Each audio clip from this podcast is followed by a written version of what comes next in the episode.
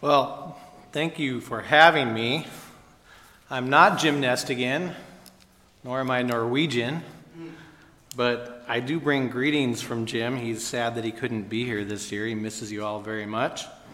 My wife and I have been in Nor- uh, Norway for 13 days now, I think, and I'm planning to immigrate. So I'm wondering if it's just the year of military service that's left or what. Uh, my topic tonight, uh, as was given to me, though I found out later I could have changed it at will like Steve Paulson, um, is through the mutual consolation of the brethren in Smalcald articles, specifically Article 3 4, Melanchthon, Luther, and the Gospel. Now, some of you may not understand uh, that that's sort of a confusing topic for a Melanchthon scholar, since I know that Melanchthon did not write the Smalcald articles. And so I've tried to be creative here to incorporate him and to interject him on Smalcald. You guys can tell me how I've done later. Anytime I get to teach about Melanchthon at all, though, um, I like to start by saying a prayer, um, one of the many prayers that was written by Melanchthon throughout his lifetime.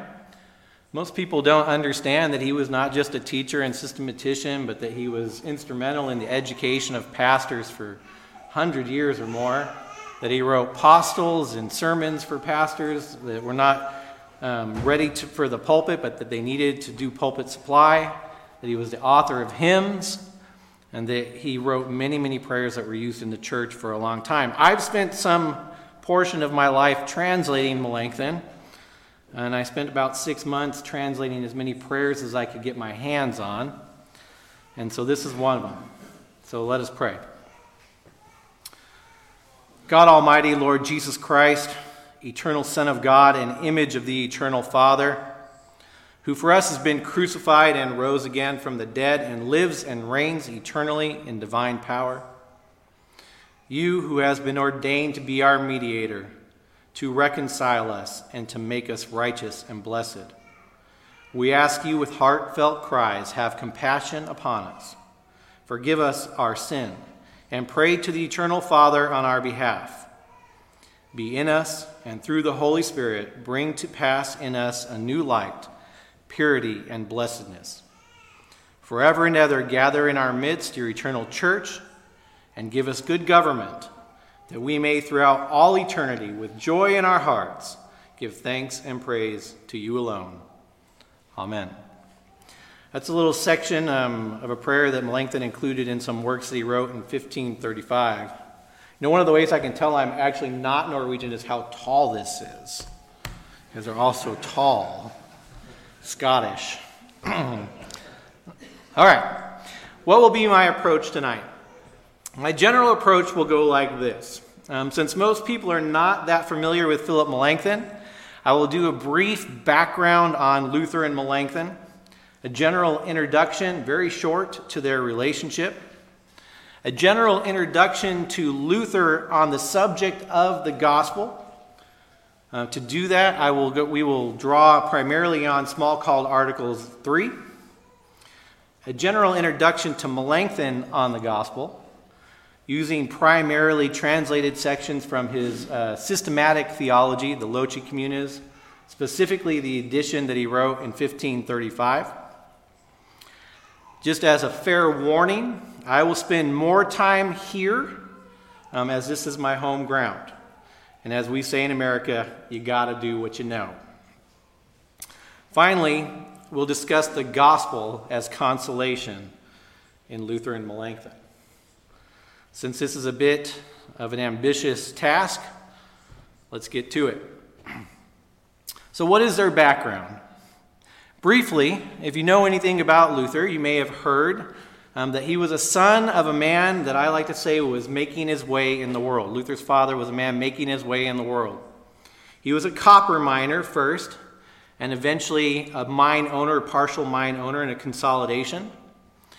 He's a type of man that, in American parlance, we might say, pulled himself up by his own bootstraps. From worker to business owner and he was, by most accounts, a hard man. Luther himself, in his education, was educated and set up to be a lawyer, turned out choosing another path, and was set to the path of becoming a monk, a priest, a pastor, a doctor of the church, and eventually a reformer. Luther, as we've heard several times over this conference, approaches theology pastorally. And as I've heard uh, others say, that he was an occasional theologian. This does not mean that he only did theology on occasions, or on occasion, or, or occasionally, but more that he wrote to specific people on specific occasions. Luther, at the end of the day, is a pastor, teacher, and as Stephen taught us today so well, a spiritual mentor and father to many. Melanchthon, on the other hand, was a son of a successful man, an already successful man by the time he was born, a well known man, a famous armorer who made armor for fighting armor, that is, for some of the most powerful men in the area. Melanchthon, it's been stated, may have even spent some time at court with his father. Melanchthon received a very early official and thorough classical education by means of privately hired tutors to come into his house to give him this education. Melanchthon masters Greek by the age of 14. He's a well known Greek scholar by the age of 16.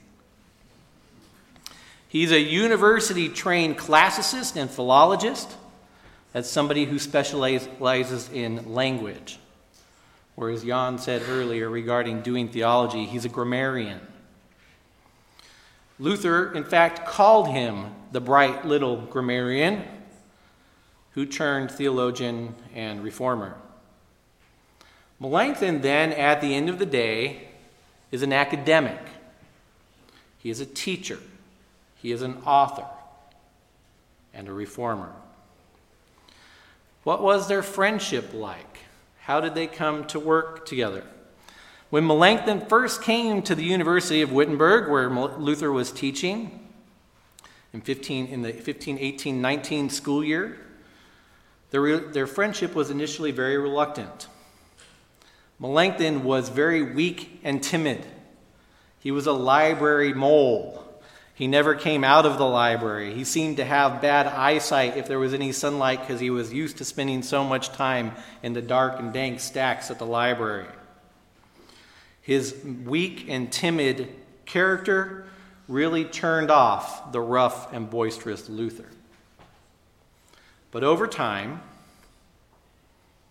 they became great friends and colleagues who together changed the world. They obviously had an influence on one another, and so it's maybe important to ask what was Melanchthon's influence on Luther, and what was then Luther's influence on Melanchthon? Well, Melanchthon's influence on Luther was actually at the beginning fairly straightforward. It was Melanchthon's humanism and Melanchthon's knowledge of Greek which first caught Luther's attention.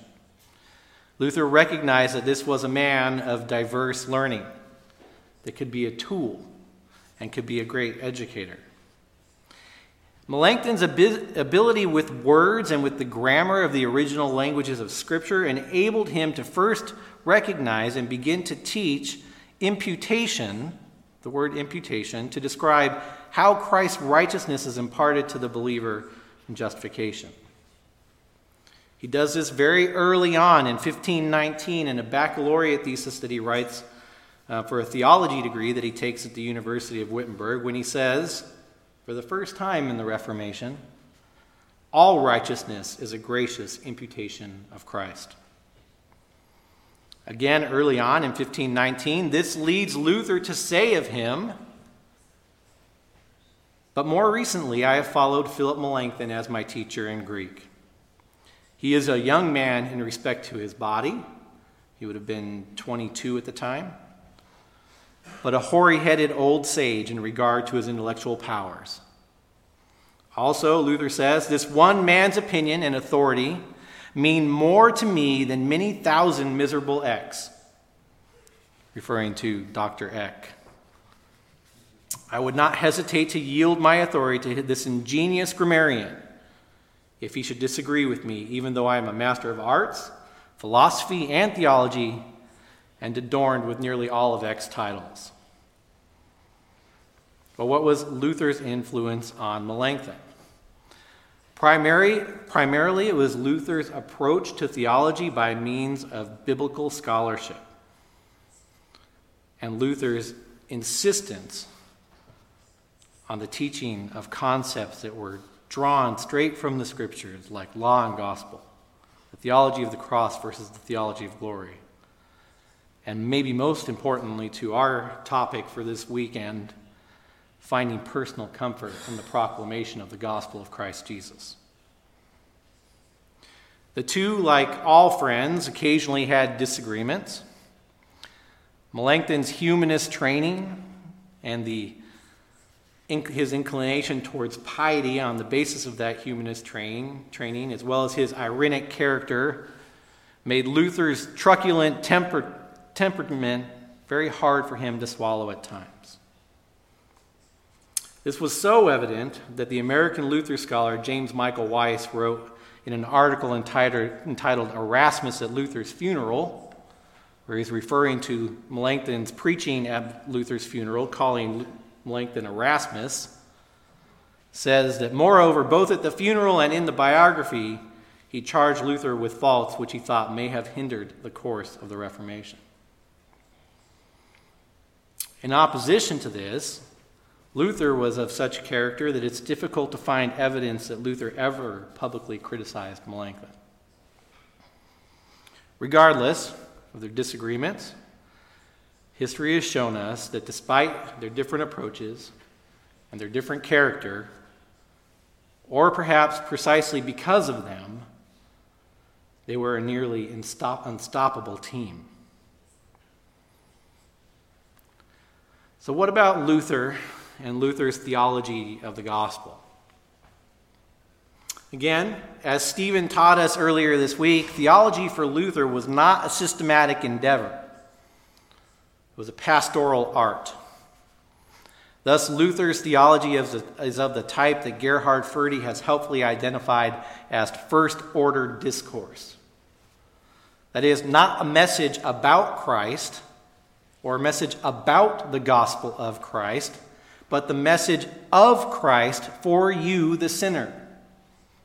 Christ for you, Christ to you. Luther specializes, as Jim, Nestingen might say, in handing over the goods.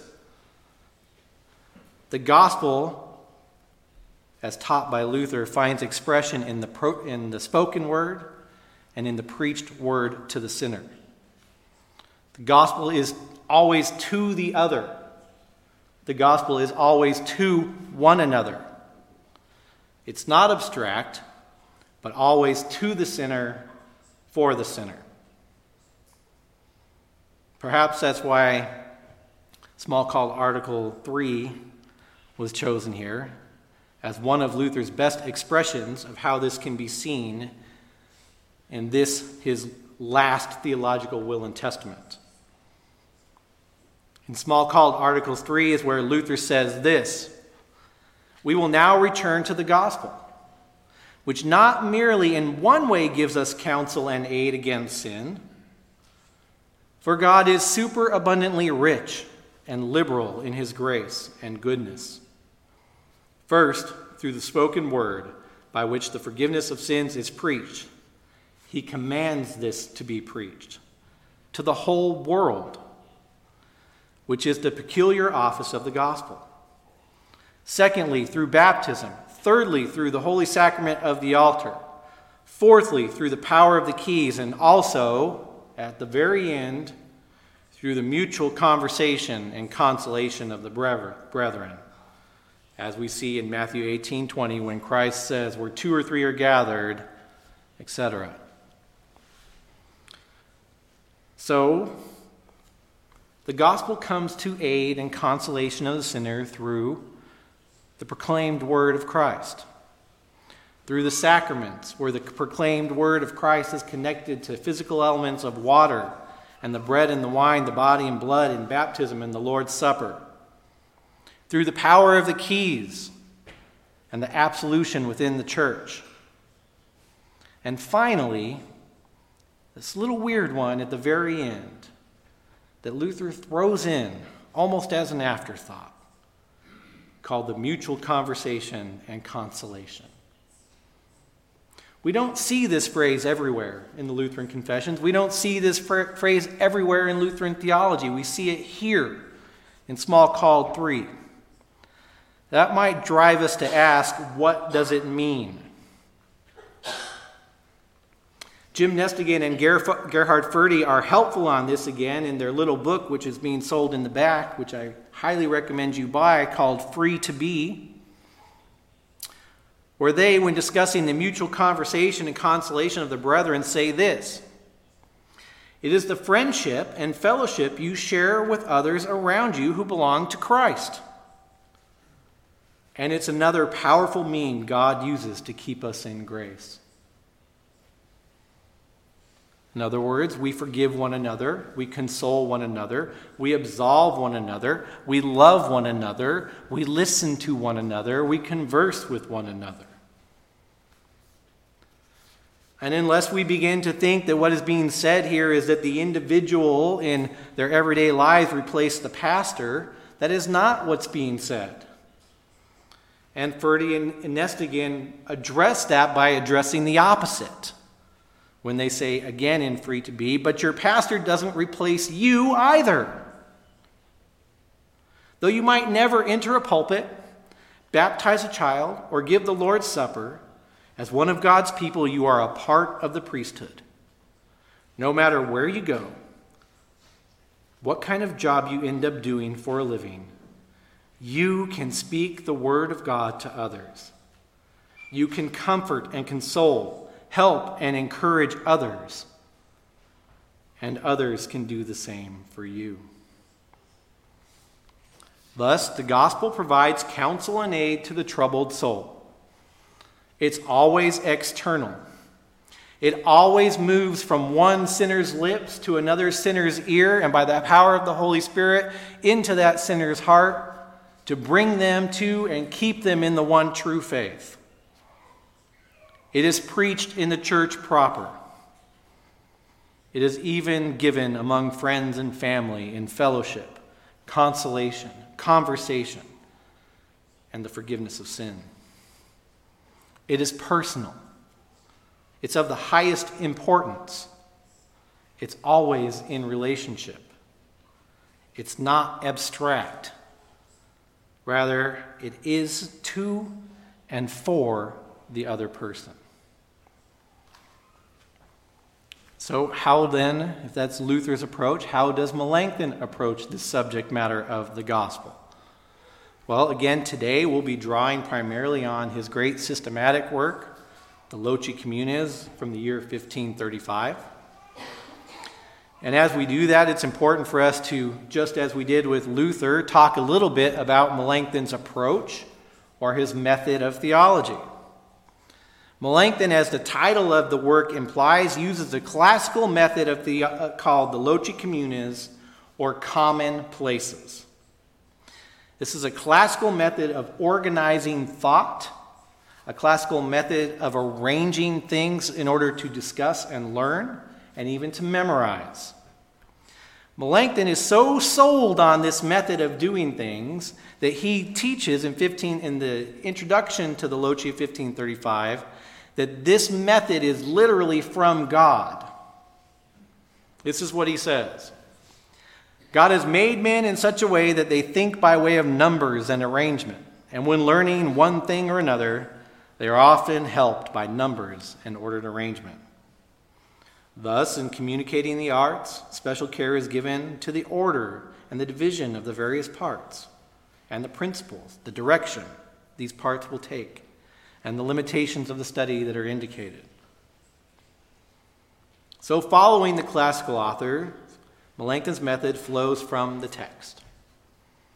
When he studies the scripture, then, he does the following. First, he searches the text. He looks for claims within that text. He categorizes those textual claims. He parks those claims in their proper place. He combines the claims that are common. He prioritizes the strong ones over the weak ones. What he then ends up with as priorities theologically or strong topics theologically are law and gospel and justifi- justification by faith on account of Christ alone. Period.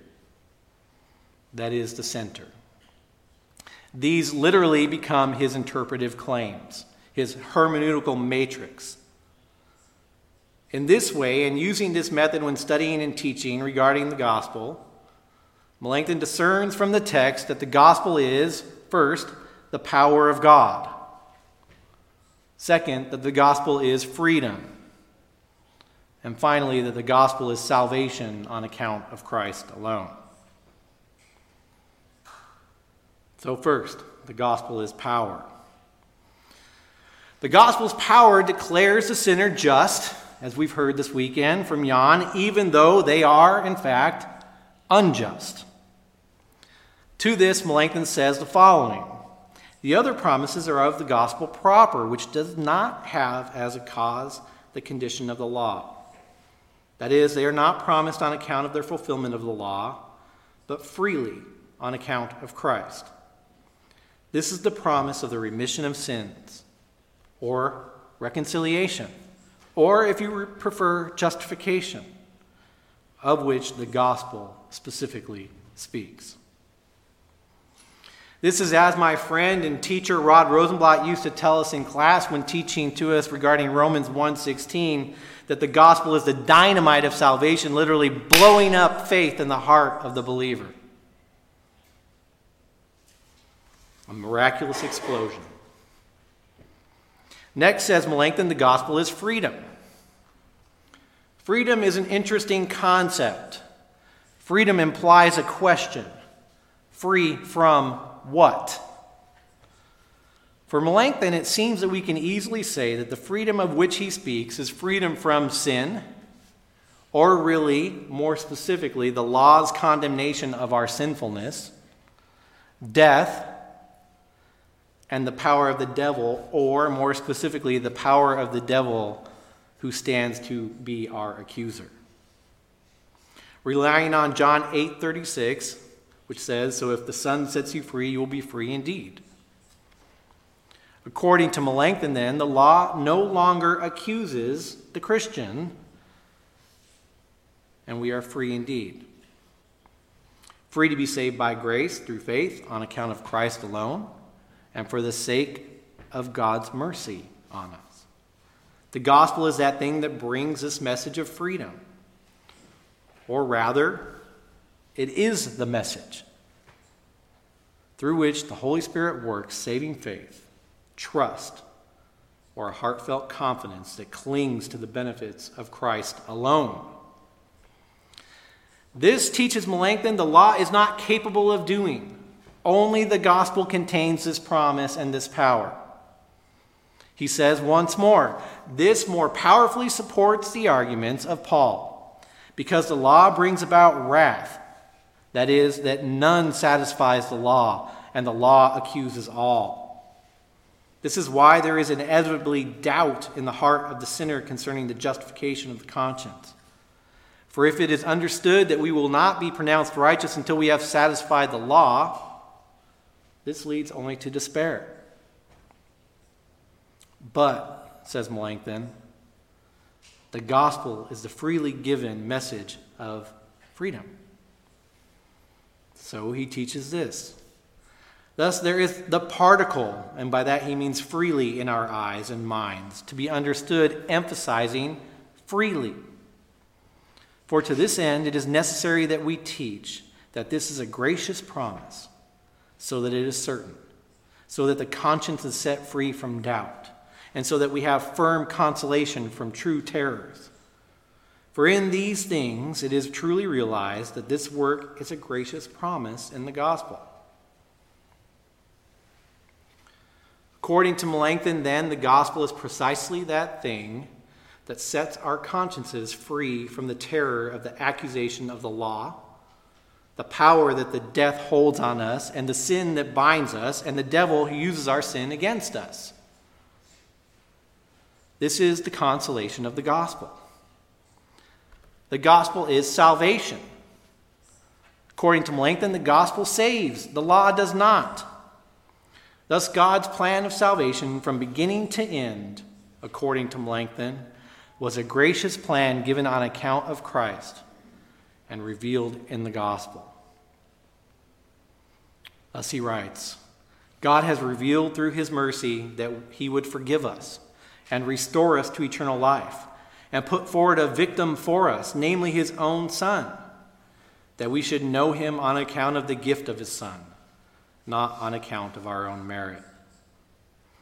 This promise of the gospel is revealed immediately after the fall of Adam. Immediately, so that the church would not be without consolation. And this is that one and same gospel that all of the saints, from the very beginning of the world, have held at all times. First Adam, then Noah, Abraham, Jacob, the prophets, and the apostles. We should therefore not imagine that the fathers were saved by natural law, or that the Jews were saved by the law of Moses, or that we are saved by our own kind of law. Indeed, there is one moral law for all time, for all nations. But neither were the fathers, nor the Jews, nor the Greeks, nor therefore are we saved because we satisfy the law, but because the law because the law causes doubt to remain in conscience. And finally, Melanchthon teaches that the gospel is propter Christum. The message of the gospel is about Christ from beginning to end for us. Propter Christum means on account of, for the sake of, because of. So when he says this, Melanchthon uses this phrase time and again. He says this Then there is the preaching of the gospel, repentance and promise, which reason does not naturally grasp. But it is revealed by God when God promises that He remits our sin, propter Christum, on account of, propter Christum because of, propter Christum for the sake of Christ. And we are thus pronounced righteous. This is the promise. Propter Christum. This was, according to Melanchthon, from the beginning, from, from once Adam fell forward. God's plan for its salvation was always revealed in the gospel.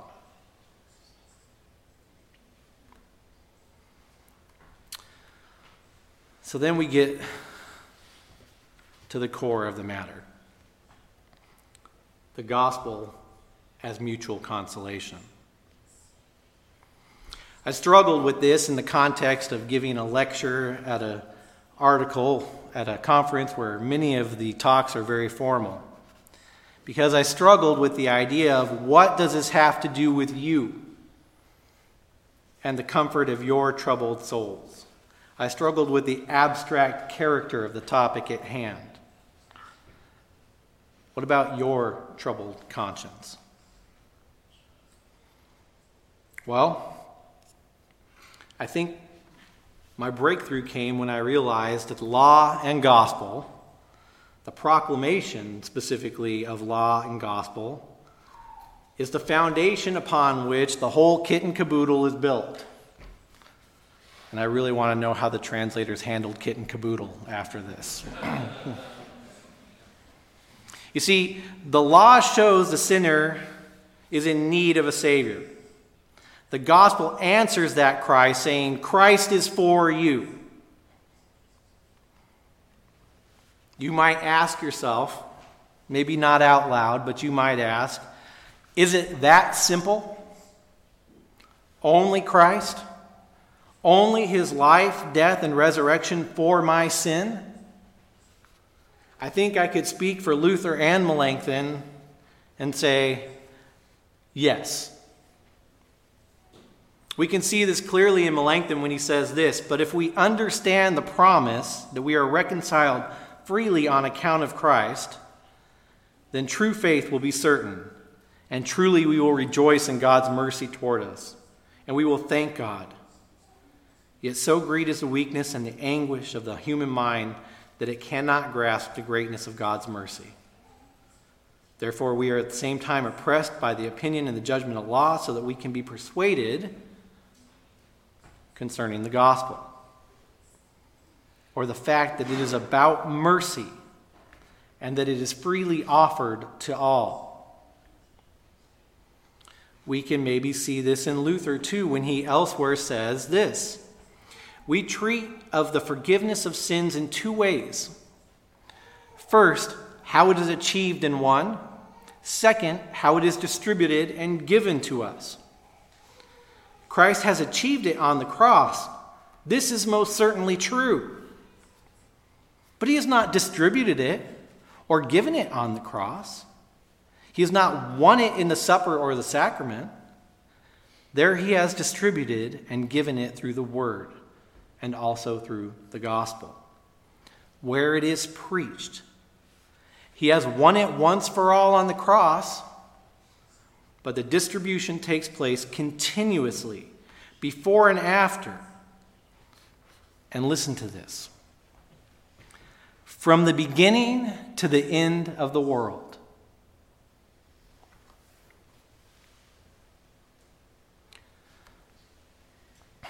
I just had a technical difficulty as my eyes are filling with tears, sorry.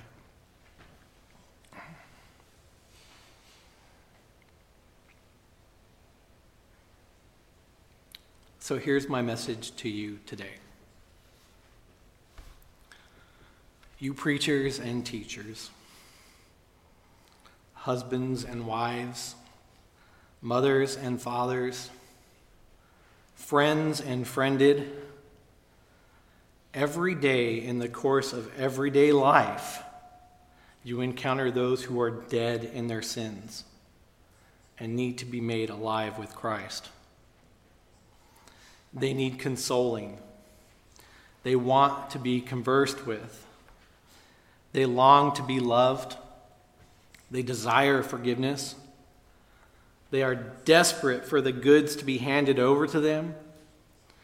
They need the gospel of Christ Jesus preached to them from your sinful mouth to their sinful ears, one sinner to another, to the end of the world. So, certainly, I must say, maybe just so I don't get in trouble for not saying it, certainly preach the law to one another. You are a sinner in thought, word, and deed. You are unable on your own to approach a holy God. You, with Paul, cry out, Who will save me from this body of death? It is again most certainly true what Jan taught us earlier this week that the old man in all of us needs to be daily drowned and buried with all of his sins and with all of his trespasses. So preach the law. But please understand a few things when you do this. The law, you see, is natural to us.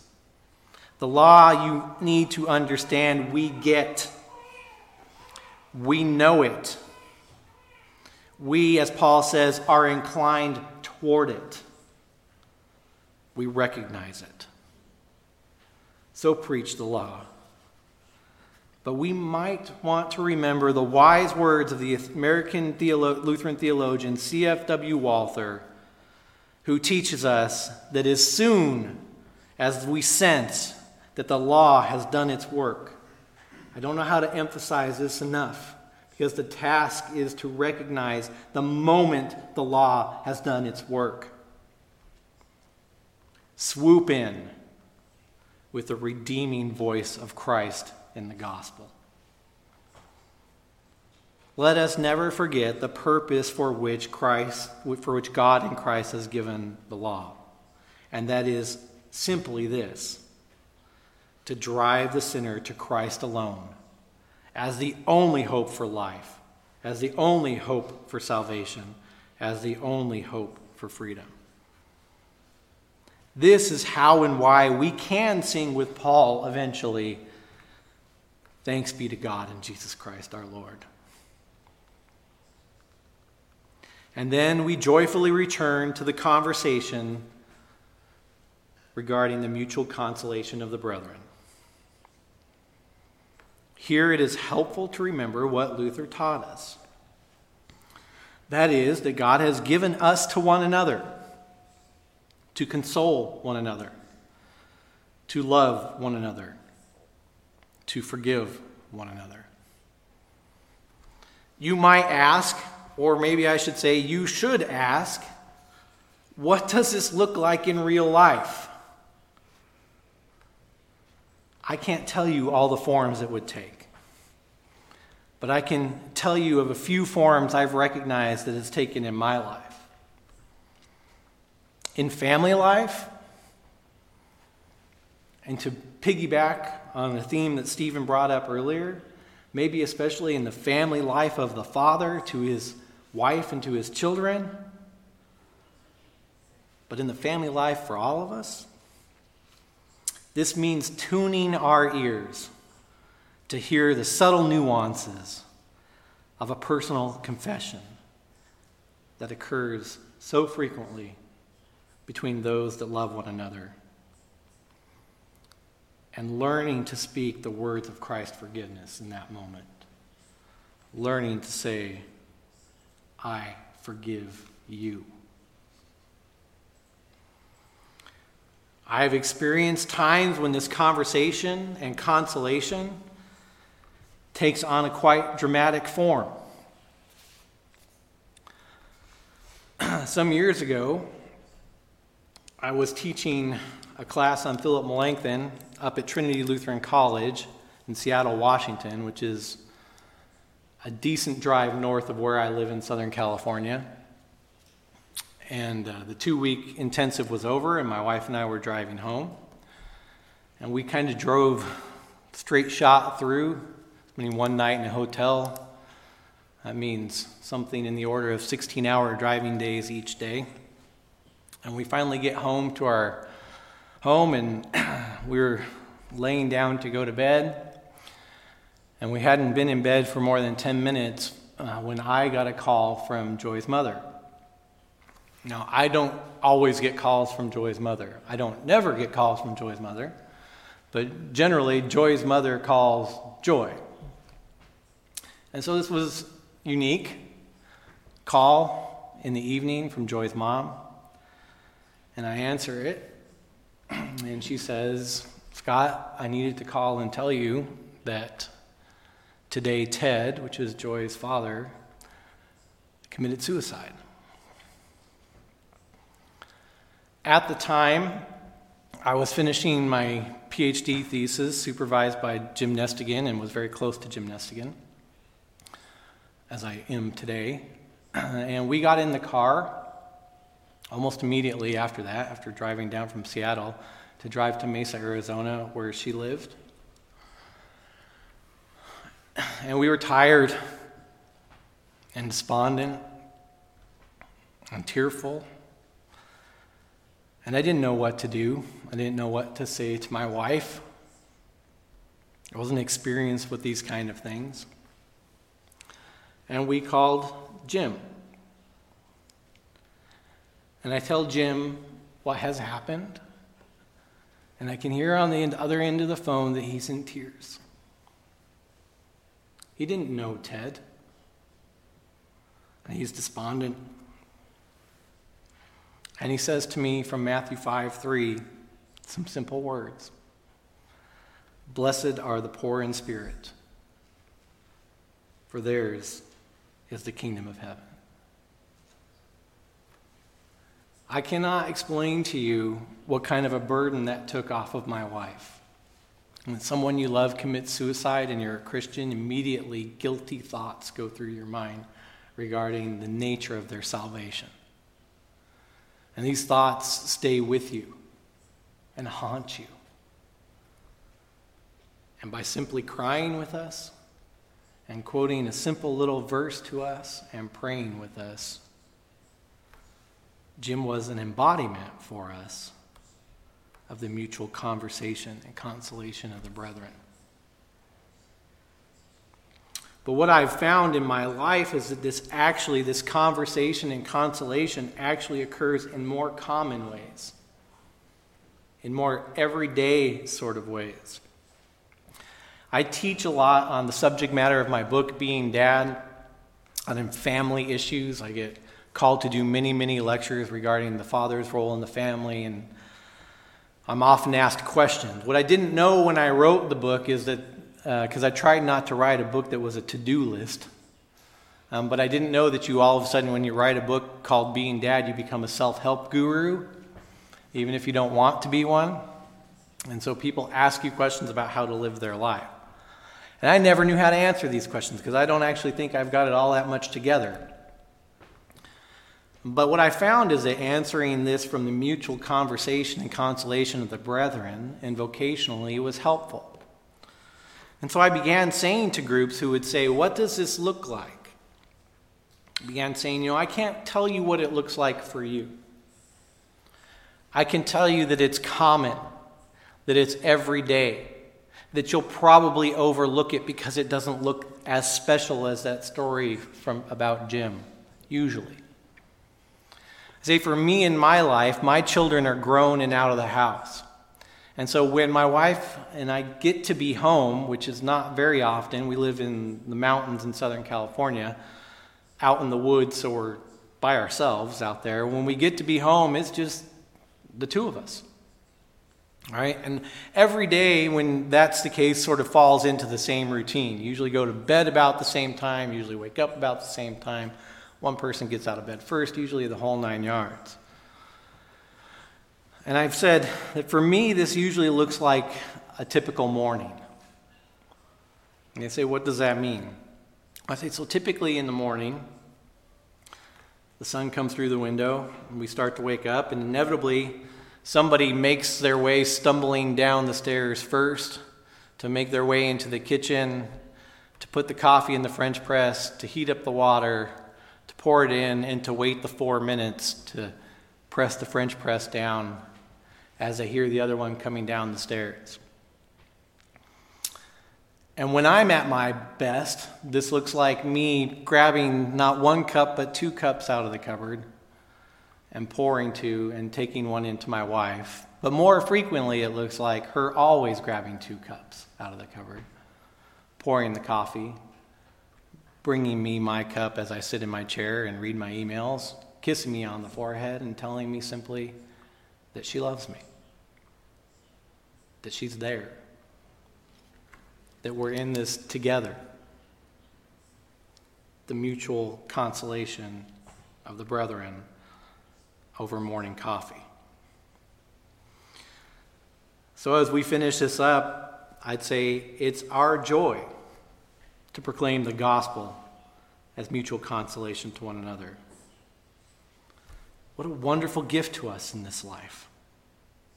What a blessing to us, to our neighbor, to our family and friends and loved ones. It is our joy to forgive one another's sins in the name of Christ, to hand over the goods to one another.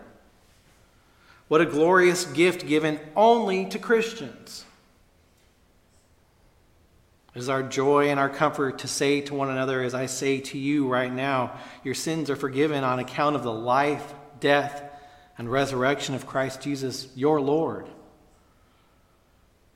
You see, this is how we sing with Paul. Thanks be to God in Jesus Christ our Lord. Thanks be to God for giving you to me as brothers and sisters in Christ so that you can proclaim this forgiveness to me.